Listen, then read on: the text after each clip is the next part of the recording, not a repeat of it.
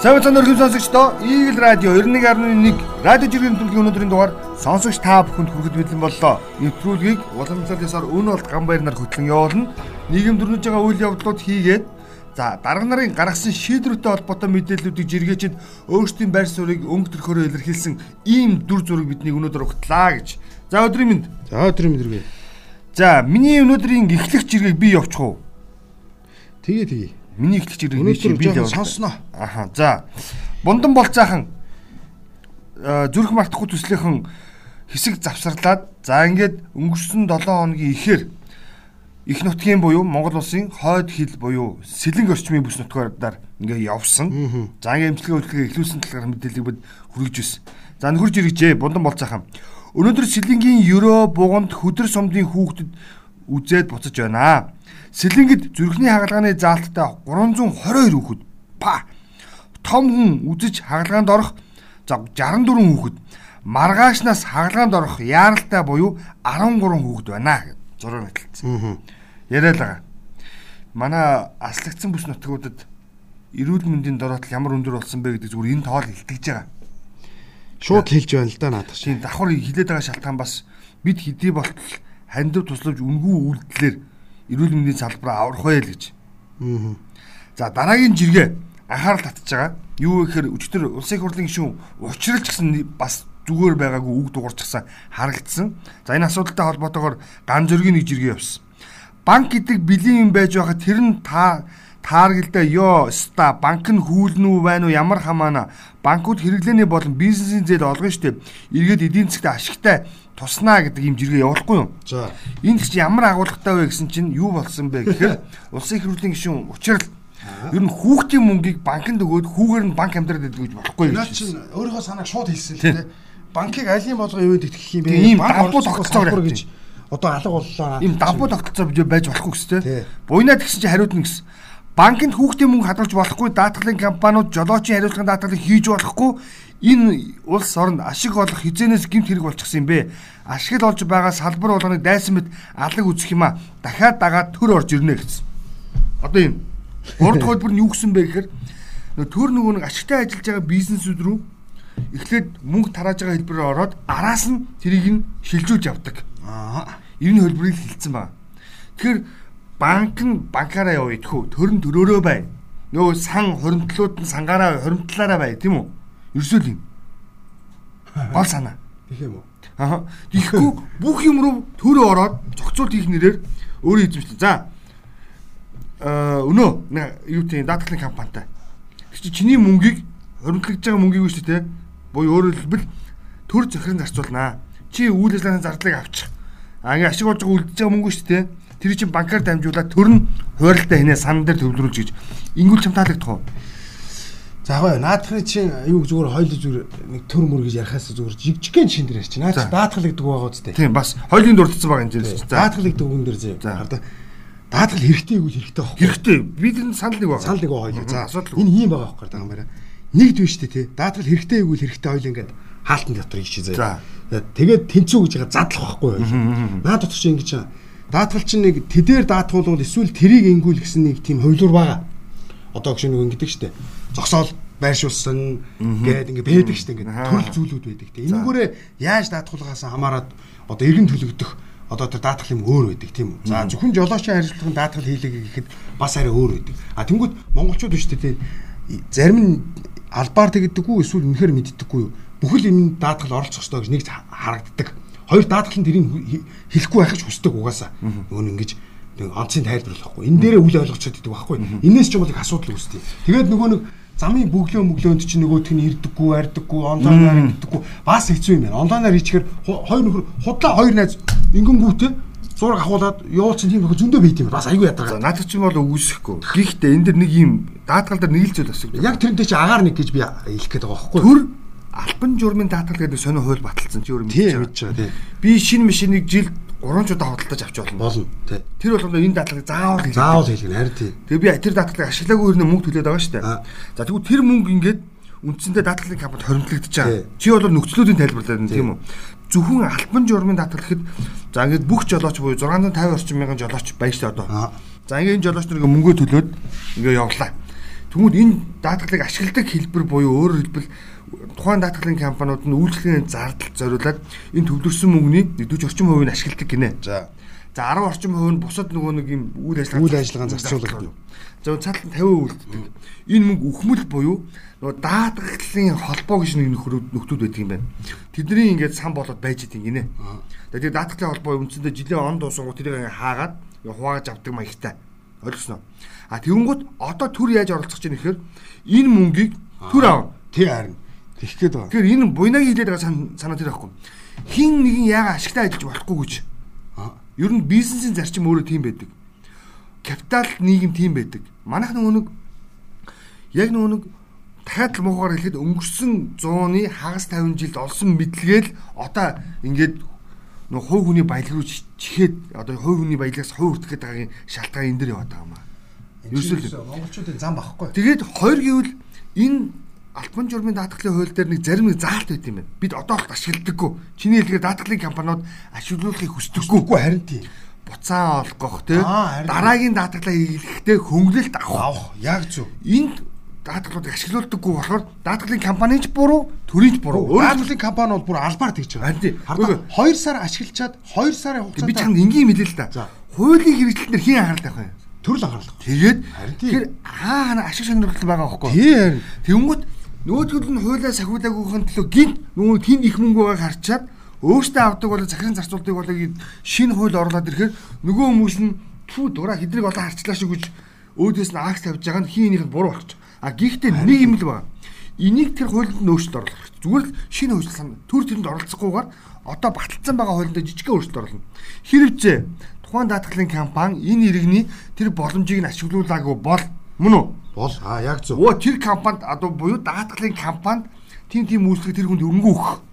Аа. Эсвэл ийм өнгөл чөлөөт үзүүлэх. Эсвэл тэр компанийг одоо торгох ч гэдэг юм уу те. Ийм залд оруулаад байгаа. Хард аюу эмгэлтэй байхгүй харда. Та онлайнаар даатгаж болно гэж байгаа юм заа. А тэнгууд буцаалтаа гэхээр та өргөний үнэлгээтэй машиныг иршлгээтэй өөрийн биеэр ирээд за бити солиороод гараа даатгалуулаа нэг балаа юм бойлох хэрэгтэй нэр. Тэгээ хоёр дахь нэг маргаан яг энэ дэр чинь. Өөрсдөөс нь болж байгаа юм байгаа шүү дээ. Тэр нөгөө хувийн рүү орж байгаа нэг шалтгаан юм. Уран тогтох жиргэж байгаа. Ийм Монгол актим 7.8 тэрбумын төсөвтэй цалингийн зардал нь нэг хүнийх шүү. 4.5 тэрбум төгрөг. Нийгмийн даатгалын шимтгэл ороогүй. Энэ байгууллагын 149 хүний дундаж цалин 2.6 сая төгрөг байна. За. Гэтэл багш эмч нарын дундаж цалин 500-600 сая төгрөг. За ингээл. За тэгсэн чинь энэ доотлолт нь юу гэж хариулж ийн гэхээр хувийн хвшигчний хийх бүрэн боломжтой ажлуудыг төр булаана гэдэг энэ Хилцэл биш наач шууд. гэд харин төр оролцохынд оролцох таахгүй. Харин тий. Тэгээ ингүүт нөгөө нэг одоо ингэж Хаана юу хэрэгжиж чинь ард иргэдийн маань яаж хохирож хин ашиг олж ин тий. Хин ашиг олж оронд хин ашиг олж ийн яавал нэг энийг шоглаач вэ л гэж үздэг. хин ашиг олж ин тэр бизнесээ төр өөрөө институцийн оруулах хэдэл юм технологи яваад байгаа байхгүй. Одоо гоо тэнцээч бүтэн баг ажилтдаг гэж байна. Аа нэг болж байгаа. За би нэг жиргээ авъя. За. Энэ баясаж иргсэн байна заа. Энэ хоёлаа бас сонин юм жиргсэн байна. 2020 онд төгссөн багш нарын тоо сонин юм. Биеийн таймрын багш яасан ч олон юм заалга хүн байж гээд. За энэ ингэж байгаа байхгүй да. 2020 онд төгссөн багш нарын тоо юм айл дахио. Одоо энэ өнгөрсөн хавар гэсэн үг шүү дээ. Өнгөрсөн хавар төгссөн. За багш бага ангийн боловсрал гээд 811 хүн төгссөн. За. Багш сургуулийн өмнөх насны боловсрал гээд аа тий 1167 За. сургууль хүмүүжүүлэгч төгссөн. Багш гадаад хэлний боловсрал гээд 518 багш төгссөн. Багш математикийн бо- боловсрал гээд 216 багш төгссөн. Багш нийгмийн ухааны боловсрал нийгмийн ажилтан гэсэн үг ш нийгмийн ухааны багш нар гэсэн үг. 264. Монгол хэл уран зохиолын боловсрал 364. Дуу хөгжмийн боловсрал, урлагийн боловсрал 2 хүн заяа. Би чааса. За, багш урлагийн боловсрал бүжгийн багш заяа 82 хүн. Багш байгалийн ухааны боловсрал 248. Багш спортын дасгалжуулагч 156. За одоо ингээд за биеийн тамирын боловсрал 406, эрүүл мэндийн багш 4 заяа. За одоо ингээд зарим нь би орхичих заяа. Тэнгүүд хардаа ингэж. Одоо энэ сони юм орж заяа. А багш мэдээлэл зүйн багш 16, биологийн багш 7, газар зүйн багш 13, физикийн багш 8, боловсрал судлал 500 гэдэг юм. Би аюу ийм сони ийм ийм одоо энэ одоо юм итгэхгүй энэ тэгээ одоо яг энэ ажлын байр нь байна уу гэхээр одоо ингээ харьцуулаад харахаа зарим нь байгаа ч юм шиг гүүч юм шиг. За би чамд айгүй энгийнээр юу зүгээр энэ дүр зургийг хэлээ л та. За Ингэж төгссөн байж багш нар. нийгэмд яг эрэлт хэрэгцээтэй байгаа мэрэгжил хаана вэ гэдгийг эндээс харж болно. Мөн үү?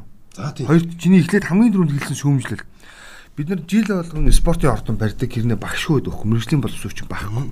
Тэгсэн хэрнээ эдий дайны буюу өөрөөр хэлэх юм бол за спортын дасгалжуулагчийг 156 төгсөн гаргаж ийн.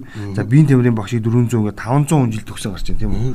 Гэтэл манайх 300 За 20 эдэн сумын за 320 гаруй сум гэж үзээ. Тэгээ нийслэлийн сургуулиудтайгаа аваад ингээд нийт тоог нь аваад үзэх юм бол заавар нэг 800-аад сургууль байгаа. За. Гэтэ тэр нь зөвхөн юу штэ нэг улсын буюу Тэгээ улсын тодорхойтой тодорхойтой. Тэгэхээр энэ сургуулиуд маань өөрөө биеийн тамирын багшийн доголдолтой. Мөн үү? Энэ багшийн хүрэлцээ байхгүй. А харин эсрэгээр нь заяа. Энэ за дуу хөгжим 2, эрүүл мэнд 4, а биолог 7, физик 8. Энэ салбаруудыг хайсны үр дүнд буюу өөрөөр энэ салбарууд хөгжихгүй байгаа нэг илэрлэл нь манай шинжлэх ухаанч сэтгэлгээ байхгүй байгаа илэрлэл. би яар эндээс хараад ингэж хэлэх гээд байгаа байхгүй да. Тэр байтугай эрүүл мэндийн багш дөрөв гэж штт. Эрүүл мэндэ орхицсон. Шууд хэлий. Нэг нэг номер. Тэгээ биологоо хайдсан төрөл зүйл судалдаг байх. байгаль орчин шүү дээ. Газар зүй судалдаг хүн байхгүй 13 хүн багш. Физикийн багш 8. Одоо бол газар зүүн багш бол жишээ тэгсэн ярина хараа багш гадаад хэлний болж гадаад хэлний багш 510 гэж байна. яах гэдэг. Бараг өөрөөсөө бараг нэрээ ходч юм дөрөв мэдхгүй багш нарын дотор байгаа шүү. Бага бага. Үгүй чи газар зүүн багш бэлтгэж чадах юм бол нөгөө шүд өвдөд байгаа аялал жуулчлалын салбар аварч болно шүү Гү чи үгүй тэр чин менежмент хийгээд болно хөөе. Үгүй байхгүй. Тэгэхээр энэ хардаа залуучуудыг бод физик сонирхдаггүй болсон байна. Эрүүл мэндэд анхаарахгүй болсон байна. Газар зүй сонирхоо болсон байна гэж харж болохоор байгаа шууд эндээс. За Аа. би чамд энгийн юм хэлээ. Одоо жишээлбэл наад тал чинь биолог газар зүүн багш нар байхгүй байна тийм үү? Тэр өтө Монгол улсын их сургууль чи одоо юу яаж байгаа юм бэлээ шүү. Тэнхэмгүй болох гэдэг шүү дээ. Физикийн тэнхэмгүй. Физикийн физикийн танхимгүй. Миний одоо төгссөн сургууль байхгүй. Маш харамсалтай. Тэгэхээр би наадхын идэрлэж Энгүү ганц юм байгаа шүү дээ. Одоо ийм хэмжээний багш нар байхгүй байгаа учраас ийм асуудал үүссэнийг одоо ойлгож байна. За. Улаан хувьтай дөлгөн. Усан цахилгаан станц ийм л ашигтай. Говалтаа ус муутай, гүний ус нь хатуудаад илэг бөөрийн өвчтөй болдог байсан бол усан цахилгаан станцын буйнаар гадаргын зөөлөн ус уух боломж бүрдлээ. Энэ бол станцын их муу хөлөөсний үр дүн шүү гэж. Аа наа чи бол хоёул өмнө ярьсан шууд хэлсэн. Үгүй одоо энэ хэрвээ бид нар боловсрал сайтай газар зүй биологийн багш бидэрт их байсан бол тийм үү энэ чинээний энийг эсэргүүцэх хэмжээний хүмүүсийг бэлтгэн гаргахгүй л байхсан байхгүй Игэрөөсөө шулуухан да тийм. Эн чи ингээд нэг циклэрээ бүр тасарсан юм гамаараа. Өө яг Бүр аягүй хэцүү болсон. Өө тэгээ ардаа тэрийг бүр гаргалзаа нарахгүй ярих юм яа. одоо хэрэггүй болсон гэдэг үсэг өвж байна гэж яах шиг физик математикаар яад гэж та. За яг уу яг уу тэгэж бодож байгаа хүмүүс байж болно. Гэхдээ танаа хүүхдүүд сургуульд орно. 1 2 дугаар ангийнхан тоог нь таавал зааж өгч чадахгүй. Тэгээд хүүхд чинь тэр тоо физиктэй сонирхолгүй болно. Ингээл юу сар араасаа мөргөжлөөл явна л та. Энэ бол жоохон энгийн боловч одоо яг л энэ залуу гэр бүлүүдэд тохиолддог хэлбэр асуултын нэг л дээ. Ер нь бол За энэ сэдв ингээд орхи арай өөр юм ярив За тэгье. Батамгалын жиргэг би онцлоо За. Батамгалан Монгол улсын засаг захиргааны газрын зургийг 1934 оны хувилбарын зургийг оруулсан За. За энэ дээр үндсэндээ бол 13 аймагтай ийм бүтцийн зураг байгаа За харъя. Манжийн үеэс манай засаг захиргааны нэгжийг жижигсээр ирсэн байдаг. Одоо харин бүсчилсэн хөгжил төвлөрлийг сааруулах дид бүтцгээд 1934 онд гарч байсан их хөлбөр их тохиромжтой санагдаад байгаамаа. Манайхан саналаа хэлээд явбал дөхөмтэй гэдэг. Гэсэн доотлолт нь юу вэ гэсэн чинь за наад энэ жиргэний араас хамгийн их нийтлэл юу вэ? жиргээ юу вэ гэхээр за манай энэ тэмдгийн бүгчүүдийн гал галынхаа луурлах бахтаа л гэж. Нүн жалаг давны үзэлтэнгүүд их бухимданд гэж. байна. За Монголын тухайн үеийн засаг захиргааны нэгжийн манжийн өмнөх үед ямар за ингээд засаг захиргааны нэгжийн хувааралт байсан бэхээр одоо газрын зураг бол өнчөнд дөрөв багтдаг байсан. Түшээд ханцсан хаан тэгээ сайн ноён засагт хаан гэж ингээд дөрөв багтдаг байсан. Яг ингээд дөрөв руу ингээд тавихад жишээлбэл дөрөв багтдаг тий. Баруун төв баруун халах зүүн халах зүүн гэдэг ингээд дөрөв багтдаг байсан. За тэгэнгүүт нь за ер нь бол энэ засаг захиргааны нэгжийг ер нь өөрчлөөгээд 34 онд гаргасан зургаар жишээлбэл за уус болон баян үлгийн аймагуд нэг дор. Мөн Уус үү? баяа үлгий. За. За ховд Гоолтай. го- а, биш ховд дангаараа. За. Энд чи. За хөвс? Аа. Хөвсгөл завхан цуг. Хөвсгөл зохон. Тийм. Гов халтаа дангаараа. Гэхдээ гов халтаа бол завхан болоод ховдын зарим хэсгээс нь авсан. Авсан за. За ингээд Архангаа хонгор ар хангаа өр хангаа нэг. За ингээд Сэлэнг болгоно нэг. За Төв аймаг дангаараа юм биш. Төв аймаг баг дангаараа. говь сүмбрийг авч байгаа юм байна баг. За тийм байна. Тэгээд өмнө говь дангаараа. Гүү гүү өмнө говь наач Төв аймаг чи юу яаж байгаа юм? Дунд говь юу хоёрыг авч байгаа юм байна. Дунд говийг хойд хэсгээс нь таслаад өмнө говь чин дунд говийг өмнө хэсгээс нь таслаад авч байгаа юм энэ байна. За тэгэнгүүтээ дорн говь чин говь сүмбрээ аваад бараг дангаараа шахав. Тэгээд зүүнт руугаа явангууд түүш тэ тэ. Зүүн хинти дорн сүхатар гэдэг 3 аймаг байгаа ш. Тэр чи ерөөсөө юу яаж байгаа юм? Хоёр очиж байгаа юм нэг. Хинти сүхатар хинти сүхатар хоёр хинти бараг дангаараа шахав. Тэгээд дорн сүхатар хоёр нэгтцсэн. Тэрс ингээл авчих. Тэгээд энэ үеийн газрын зургийг юу штэ те орсоор бичиж байгаа. Сүхбаатар болон Доронт аймгийг Восточны аймаг. Восточны. Тийм. Хинтискийн аймаг. За. За. За ингээд энэ нь болохоор сан гаргадгүй. Бас нэг а, Говискийн аймаг. А дорн говь хэлж байна. Тийм. Централны аймаг, Төв аймаг. Төв аймаг за. А Сэлэнгисийн аймаг, Сэлэнг болгоныг нийлсэн газар шүү дээ. Тэгээд тэгээд өмнө говь а хэлж байгаа. Южны юм байна. Южны Говискийн Южны аймаг. гэж байгаа юм.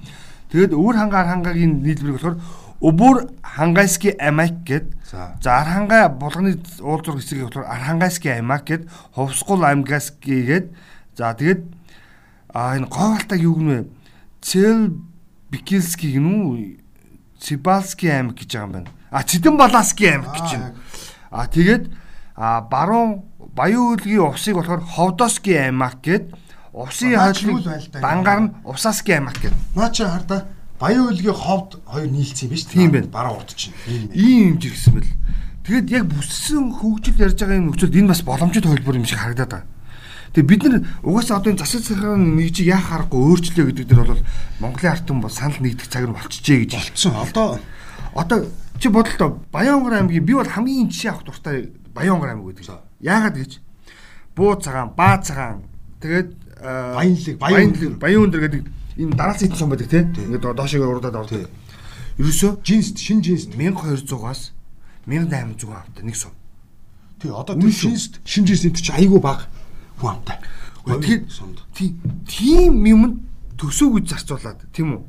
За ингээд засаг дарга гадны нөхөр томлоод тэр нь зориулсан тэр сумд одоо за 1600 амтаа ингээд бодъё л багхан сумтай хүн ам хүн сум гээд 1600 хүн амын ердөө за 20 хүн ажлын байртай. Үнэ. За тэгээд 1600 хүн амын сумын төвд хийн амьдарч байгаа нөхөр 200-аас за 300 хүн Буюу багш, эмч, за 200-аар бодоход сургуул за нэг иймэрхүү бусд нь малчаа. 200-аар бодоход нь ажилгүй. 200-аар бодоход ерөөсөө нэг 70 орчим өргөл байна. Сумын төв дээр. 70 орчим өргөх штэ. За. Хүн нь 200-аар бодоход өргөн 70-аар гэж бодож. За. Яг сумын төвд байнгын байгаа хүмүүс. Тийм байнга штэ. Тэр 70 өрхийн ерөөсөө 20 өргөн захиргааны ажилтаа. Аа. За нэг 10 өргөн сургуулийн ажилтаа. Аа. За дахиад 10 өргөн Эмч, нөө эмнэлгийн ажилтаа. тэмжгийн ажил. За ингээд үндсэндээ тэнд бол 50 өргөн яваад өглөө штэ. А одоо нэг бензин колонк байгаа. Үлдсэн 20 өргөн штэ. Өргөн. аж ахуйн гэж. Нөгөө нэг Дэлгүүр. 8 нэрийн дэлгүүр, бензин колон. Одоо өөр юу юм махны ченжмент ч гэдэг юм уу те. Боксын чанж. Нэг ойр юу? Нөгөө нэг хөдөөргөө 90 очин байдаг. Тийм. сургууль өгдөг. Ингээд дуусаа. Ингээд дуусаа.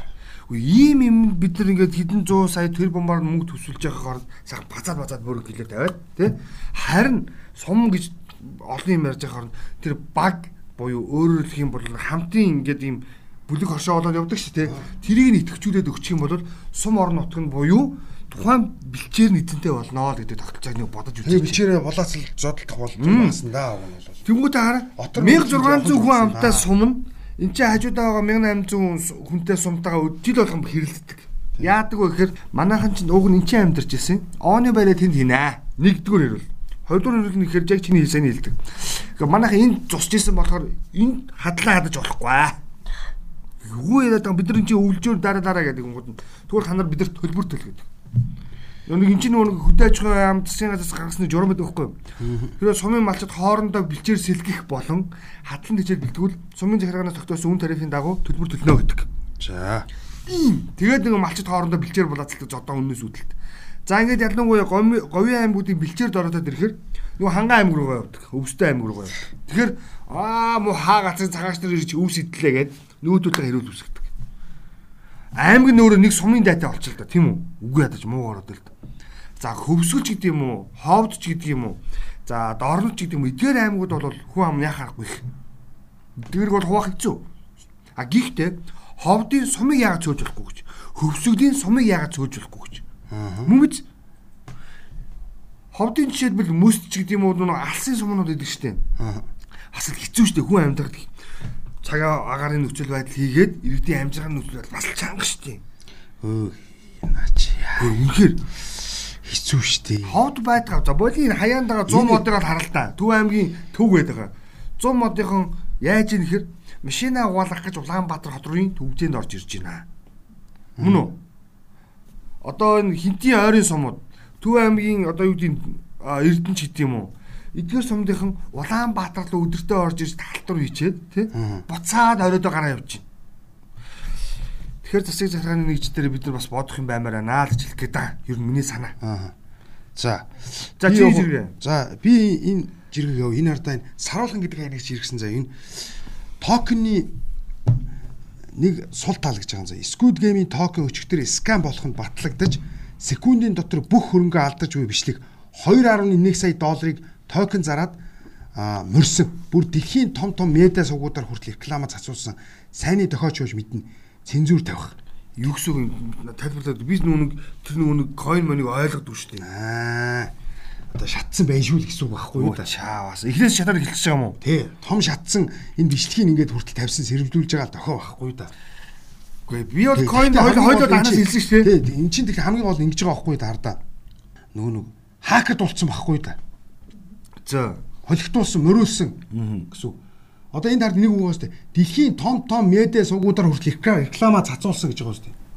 Манайх цацуулаад байгаа шүү дээ тэр чинь. Аа зүгээр л энэ бодит бус бүтээгдэхүүн худалдаж авч чадахгүй юм мөнгө битгий оруулаарай л. Одоо бол одоо нэгэнд авцсан хүмүүс байгаа. Тэдэрт бол шудрахгын хэлэхэд биш үү? Наа чи юу шүү. Эхэлж авсан хүмүүс нь тодж байгаа. Одоо та нар бол аваад хэрэг багч. Уусаа нэг сүлжээний бизнесийн пирамидын гурвалж гэж хэлсэн шүү дээ. Нэг одоо нэг хэдхэн жилийн өмнө шүү дээ манайх чинь доороо 2 хүн авах юм бол мөнгөний аавна 3 хүн авах юм бол мөнгөний 2 дахин аавна гэл тээ. Өрсөл хийн шүү дээ. За цэнгүүний жиргээ чи битэрийн нэг яриад байдаг асуудыг жиргчжээ. За малтмал төлсний эсрэг Глазгод хотод болж байгаа нэгдсэн үндэсний байгууллагын хуралд их гүрнүүдийн лидерүүд за Апекийн боссуудаас нефтийн нийлүүлэлтэд нэмэгдүүлэхийг гуйж байгаа гэж байна шүү. Ээ хүрээ. Учир нь цаг агаараас буюу салхихгүй наргуу болж эрчим хүчний үн тэнгэрт хадах хэмжээнд хүрлээ. Энэ өвлийг давх арга том хотод эрэлхийлж байна. Юу нэг яг л ярьсан шүү дээ хипхопт бол бүгдээрээ ста байгаль орчны эсрэг гимтрийг үйлдэхгүй бүгдээрээ инхийн байна, ногоон байна. Тэ? Тэгэл нөгөө нэг нар нар нар болоод одоо салхины эрчим хүчийг ашигладаг панелуудыг үйлдвэрлэсэн.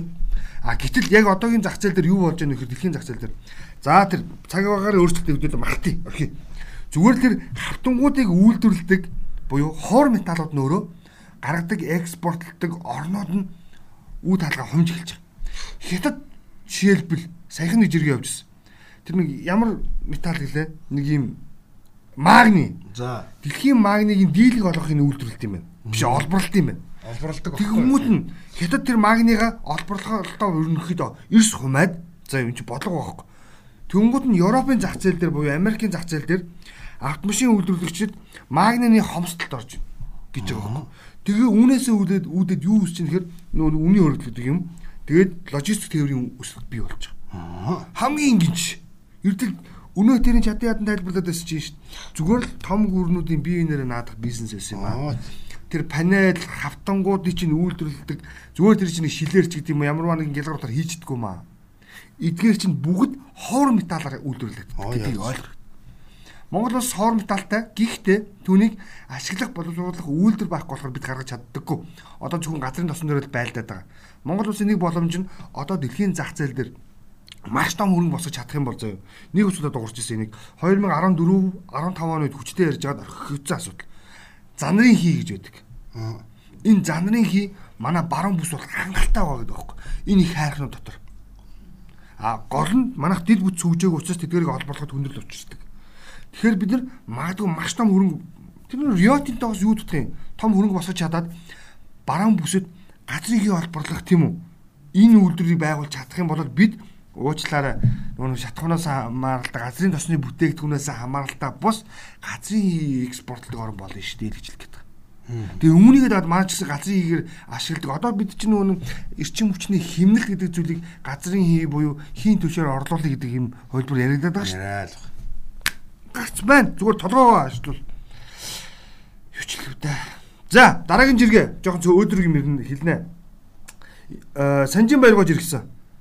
Санжин баяргоо ингэж юм. Болохоо болов бололтой. Буцаж орооч залуустай заагаач гэж намайг үе үе хэсэг нөхдүүд баадуудж явах юм аа. Би хариуд нь цагийн юм цагтаа үе бүрийн үүрх ачаанд тустай байдаг юм а гэж Гёто хэлсэн үг байдаг. Дэлхийн бүхэлдээ урагшилж байгаа нь үнэн. Гэхдээ залуу үе бүр бүхнийг шинээр эхлүүлэх шаардлагатай тулгардаг нь бас л үнэн шүү гэж. Ойлгосон уу? Ойлго заяа. За. Тэр хүн хийх юм а хийцэн заяа. Одоо ярьцсан. Тэгвэл залуу үе өөртөө тулгарсан асуудлаа өөрсдөө шийдээд шинээр алах ёстой гэж байгаа байхгүй. Бас жоохон оролцоотой бай гэж. Юунд оролцож. Тэг хуучин юм а бити ингэж бид нар манай аав ээж энэ сэрсэн малгай өмсдөг байсан гэж яриахаа болоо. Өөртөө шинээр малгайгаа зохио гэж байгаа байхгүй үндсэндээ. Койн аваад бэд тавиад битээ битээ суугаатай гэж байгаа. Ер нь би надад Мөн, муундаг. хэлчихэж байгаа. Муундаг Яг ингэж хэлж юм байгаа. Тэгээд тэр сонгуул өг гэхээр оо лай лай лай. Харин тий. Жог идэвхтэй бай. Боломжит Тэнгүүтээ нөгөө өөмөнөр очиод өгөнгүүт муу сонгогч үл. Гэхдээ тэнгуүтээ өвөө минерийг буруутгадаг байхгүй. Нэг юм дэр өөртөө оролцоогүй сонголтын төлөө хариуцлага хүлээж байгааг ойлгохгүй тийм үү? Тийм. Өөртөө оролцох юм бол сонголтоо өөрчлөх боломжтой гэдэг яагаад ойлгохгүй өдөө за 20 18 жил насалчаад яагаад үр шимийг үрдэж ойлгохгүй байгаа юм байл гэж хэлэх гээд залуучуудад тийм үү? Ихэвчлэн 20-оос 34 насныхан бол яг энэ улс төрийн оролцоо бол үнэндээ нэг хэсэг нь бол улаан ойл шүү дээ. Тийм шүү дээ. Тэгчээд шүүмжлэхээр бүгд утасны араас, компьютерийн араас, PC-ний араас те ноутбукны араас чанга дуурдаг. Андуудаа үг үг үзэл бодлоо гоёор илэрхийлээд инноваци яри хөдөлмөрөө өнлүүлээгээ хэлэхээр та нарыг ярьж би энэ ард нь байгаа шүү гэж хотлоо яриа суугаад идэг. Харин. Ингиж болохгүй. За дараагийн асуудал жоохон зөөлөх байлаа. За тэгэл та. Лавра. Юу зүгээр л хөгжилтэй цоглог зураг хийхээр арх ууц юм уу, согтой юм уу гэдэг юм аа. Архгүйгээр хөгжилтэй цоглог бай зугаацч болдог байгаа шүү арт юм минь ээ. болдог байгаа шүү гэсэн. Болно шүү дээ. Сага спортоор чийлж болно. Найз нартайгаа суугаад оо, маш ингийн. Хөдөрчихж болно. За тэгээд тэрний чинь наад яг ингэж болдгоо гэж ойлгодог хүмүүс байна л да. Нүг би баярын жиргээд тэр баяргуун жиргээд тэр ослох гэдэг нэг. Шинэ үе шинэ үе гэдэг байгаа чинь тий. Хуучин үеэс яга салахгүй нэг хэрэг чинь итгэл жиргэж байгаа. Манай нөхрийн хоёр найз нь манахаар ирж цай уурна гэд хэлсэн. Гэтэл манай нөхөр рүмка гаргаж ирээд л арчаад байх юм. Хуучин сэтгэлгээ мөн үү? Улдраа мөн л дээ. Тэгээ түрүүн лаврын жиргээ мөн үү? Архихгүйгээр наргиж болно штэ гэдэг санаа. Болно шүү дээ. Тэгэхээр энэ нөгөө нэг уулзаа гэхээр л ууя гэдэг үгээр одоо орлуулж ойлгоод байх шиг байна тийм үү? Энэ сэтгэлгээгээ бүгдээрээ өөрчлөё л гэдэг санаа. Мөн үү? Зөө. За дараагийн нэг жиргэг бүр дурдахгүй байхын аргагүй. Монгол Улсын ерөнхийлөгч Ухнагийн хүрэлцэх 2021 оны 6 сарын 11-нд Монгол Улсын ерөнхийлөгчөөр сонгогдсон байдаг. За би мөн хүлчлээ шүү уучлаарай. За ингэсэн чинь энэ асуудалтай уялдаад Орос улбаны улсын Россия телевизээр нэгэн мэдээ бэлтгэдэг гарсан. За энэ мэдээтэй холбоотой Твиттерээр дүүр юм явсан тий. Энийг хэлэхгүй бол болохгүй шүү дээ. Хэлтүү явсан юм Тийм. чинь. Бид тэр ямар амаа хөдөлсөн биш Тийм тий. Тэгээд ингээд одоо сүултээ Путин манай ерөнхийлөгч Ухнагийн үрцгийг дүүрэж байгаа болж хувирсан. Самандар цогтойрж иргсэн. Цогт нөгөө цогтоох. Аа. Шавжраач. Манай хэд юу юуг торгон саатууланд байрны 21-ээр дайраад онох үедээ гиснээс хойд хил нээлттэй байгаа юу гэдэг зураг оруулсан. За. Чинь Россия гэдэг телевизийн ингээд хаалганы зургийг тавиад нэг цагдаа очсон. Полиц ихсэн. Хаалга нүдэж чаа. Тэгэхээр цаатлаас нь орсууд кто там гэж асуусан. Хинбэ гэд. Тэгсэн чинь одоо хамгийн хөвгөлтөн. Кто тамсаад авах юм байхгүй хаалгаа нэ. Монголоос явна. Зөрчлийн хуулиар шалгана. Панимайн шигцэн. Аалах. Ер нь ер нь л энэ ихгүй. Бид яагаад ингэж ярьж болохгүй гэж бид яагаад ингэж юмыг харж болохгүй гэж. Тэгэхээр хаа ханаа бас нэг бодлого баймар байна. Тэгэд нэгэн цагт гэдэг шиг саяхан саяхандаа нэг сэтгэлч нэг э, сэтгэл зүйчээс ярилцлага авсан байсан. Өдрийн сонин билүү 2-7 оны өмнөх сонин дээр би санаад байна. Өдрийн сонин шиг санаад байна. Нэг нийтлэл гарсан байсан. Сэтгэл зүйчээс ер нь шизофрен өвчин гэдэг юу вэ гэдэг асуудлаар ярьсан байсан. Тэгээд нөгөө хүн шизофрен өвчний талаар мэдээлэл өгөө. Тэгээд ерөнхийдөө бол Монголд бол дөрвөн хүн тутмын нэг нь те Шизофрентай. сэтгэлийн биш ээ сэтгэлийн тулгамдсан асуудалтай. Ямар нэгэн байдлаар За. тулгамдсан асуудалтай. Одоо уур бухимдалтай байлаа тэрийг гаргаж чадахгүй байгаас болоод бусдад арай өөр хэлбэр илэрхийлдэг ч гэдэг юм уу. За. Эсвэл баяр хөөртэй байгаагаа нэг тийм нууж явсан хүүхэд насны дөнгөө байдлаар илэрхийлдэг ч гэдэг юм уу нэг тийм сонин сонирхолтой ярилцлага гарсан. Тэгэхээр тэр ярилцлага дотор хоёр хуу хөтөлбөр байсан л та. Монгол улсын ерөнхийлөгч ухнаагийн хүрэлцэх бол өөрийгөө тодтох буюу PR дах шизофрентаг хэлцээ байсан. За өөрийгөө дөөлөх. Аа бияп. Энэ бол нэг төрлийн шизофрен хэлцээ байсан. Тэгээ сонирхолтой ярилцлага болсон та бүхэн бас боломжит хэлбэрээр тэрийг очиод уншаарай. Би зүгээр хин нэгний буруутгах гайгүй сэтгэл зүйчийн Монголын ард түмэнд тавьж байгаа онш буюу олонд ил тод буюу үйлдэл нээлттэй байдаг хүмүүсийн талаар юу гэдэг үгс талаар сонирхолтой ярилцлага үүснийг хэлж байгаа. Хөш энэ юунд нарийн нэг алга болсон шүү дээ. Нарийн нэг алга болсон энэ бас ганц нэг гоё юм ярьжсэн шууд ногоор. Тэргэж за за харин тэгсэн чинь инглөө ингэж байна. Ер нь урдаас ногоо мого авдаг энэ чигт ингэ зогсоё гэсэн хүмүүс олон биш. Гүшлэл гүсэн. Тэгээд дараа нь тарьдаг бол хөлөмжлий. Би чамтай харин санал нэг байсан их. Тэгээ сүүлд нь бодлоо. Тийм хүмүүс их байна. Би жиргэн дээр харсан байхгүй. А тэгээ би бас нэг юм уншижсэн байхгүй. Тэгээд хоёр талтаа даа гэд бодож исэн. Чи энэ дээр ямар байр суурьтай? Тэгээд би бас их чамтай адилхан бодлоос турж өгөх гэдэг юм байхгүй. Тэгээ өөртөө хийх боломжийг нь одоо харин олох хэрэгтэй байна тий. Эрэлхийлэх хэрэгтэй байна. Өөртөө ногоо тарих хэрэгтэй байна. Гэ бодож исэн. Тэгсэн чинь манай хувийн буюу үндэсний үйлдвэрлэл үндэсний тархилагчид бидэрт ямар бэлэг барьсан бэ гэхээр үний өсөлт гэдэг бэлэг барьсан. Тэг барьсан шүү дээ. Хилийн хориг буюу хилийн хаалтаас үл хамаарах үний өсөлтүүдийг үндэсний бараа бүтээгдэхүүн үйлдвэрлэгч нь өөртөө бий болгосон. Биднээс өөр худалдаж авах зүйл байхгүй юм чинь тий одоо бид нар яасан ч яах вэ хэд ч гэж нэмсэн яах вэ тий сонголтгүй сонголтыг бидэрт олгоцсон олгосон тий Одоо жишээлбэл хамгийн их жишээ болж байгаа зүйл бол гурлан бүтээгдэхүүн 4500-аар үнэлэгдэж байсан бүтээгдэхүүн 10100 болсон байгаа. За. За энийг бол хамгийн их шүүмжилж байгаа. Ийм үний өслүүд явагдаад хахад бид яагаад тэднийг ингэж хүлцэх ёстой гэж. Гэт бид нар яагаад тэдээс авах ёстой гэж. Тэгсэн чинь ингэсэн юм байна. Нэг өнгөрсөн хугацаанд болж исэн үйл явдал тариаланчид буюу хүнсний ногоо, нарийн ногоо үйлдвэрлэгч нар, тариалагч, нар засгийн газар шаардлага хөрвүүлжсэн юм байна. Импортын биш экспортоор импортоор орж ирдэг төмс хүнсний ногоонууд бүгдийг одоо хоригдж өгөөч. Тэгэн бол бид нар эх орноо тий 100% дотоодын ногоогоор хангая гэд хэлсэн юм байна. Тэгэхээр н 20 тавиад зарим нэр төрлөөр 20 тавиад зарим нэр төрлөөр татвар нэмсгүүд өгсөн юм. За. Тэгсэн чинь нөхдүүд За 800 төгрөгөөр худалдагддаг байсан луунг за улаан луун байдаг шүү дээ. Туулайд дуртай гэж бид нар 10 жилдээ залгасан лунг 2500-аас 2300 төгрөгийн хооронд худалдаалдаг болчихсон. Одоо энэ бүхэн үн хизээж буугаагүй. Тэгэнгүүт аа арт түмэн вау яагаад ингэж гэсэн чинь бид эх орондоо үйлдвэрлэсэн та нар ийм үнээр авал хав гэдэг юм шиг тулгалтыг өгж байгаа юм. Тэнгүүт энэ дээр эдийн засгч нар ямар хариултыг эргээд барьж эхэлсэн бэ? Ер нь бид экспорт, импорт гэдэг зүйлэн дээр бодлоготойгоор хяналт цензур тогтоох хэрэгтэй байна. Ялангуяа импортын ногоон дээр хайчих хэрэгтэй байна. Үнэхээр л импортын ногоо хямдхан орж ирээд бол иргэн сонголт өгөлтөө. Чи хямдхан үнээр тийм үү? Их ногоо авах уу? Эрүүл мэндтэй бодоод тэр үнэтэй баг баг ногоо авах уу? Чиний сонголт. Ингээ хайчих хэвээр юм. Тэгжиж эн чинь үндэсний үйлдвэрлэл хөгждөг болохоос биш нэг гараараа эмтлийн хоолойг нь барьж нэг гараараа нөгөө иргэнийхөө одоо юу гэдэг карбакс хэсэрдэг энийг эдийн засаг гэдэг юм а. Энэ бол анарх эдийн засаг гэж тайлбарласан. За тэгэхээр яг л нөгөө битэрийн хорооллын 3 4-ийн одоо худалдагч нар нэ гадаана машины тавьчаад өгөх нь машин бай зогсохгүй байна хүн орж ирэхгүй нэгдэг чинь яг адилхан. За за нэвтрүүлгийн цагийн урд хүрээд өндөрлөж байгаа юм байна. Нэвтрүүлэгтэй хамт байж байгаа сонсогч эрхэм та бүхэндээ баярлалаа. Тэгээд нэвтрүүлгийн өн болт гамбайр нар хөтлөн явуулсан. Нэвтрүүлгийн төгсгөлд за Анар Даниэлийн нэг жиргэг явуулчих юм. Дөнгөж 20 нас хүрсэн залуус 50 та ах эгч нарын амьдрал чунаад авах юм аа. Тэр байр машин, аяллууд, цаг хугацаа хөдөлмөрөөр аяндаа ирдэг юм аа. Тэд маниусын насан дээр талахчгүй явсан үе байдгийн шүү. Байгаадаа сэтгэл хангалуун маргааштай өнөөдрөөс илүү байлгахаар хичээцгээ. Өглөөний минь арт түмэн гэсэн жиргэг бодлоо.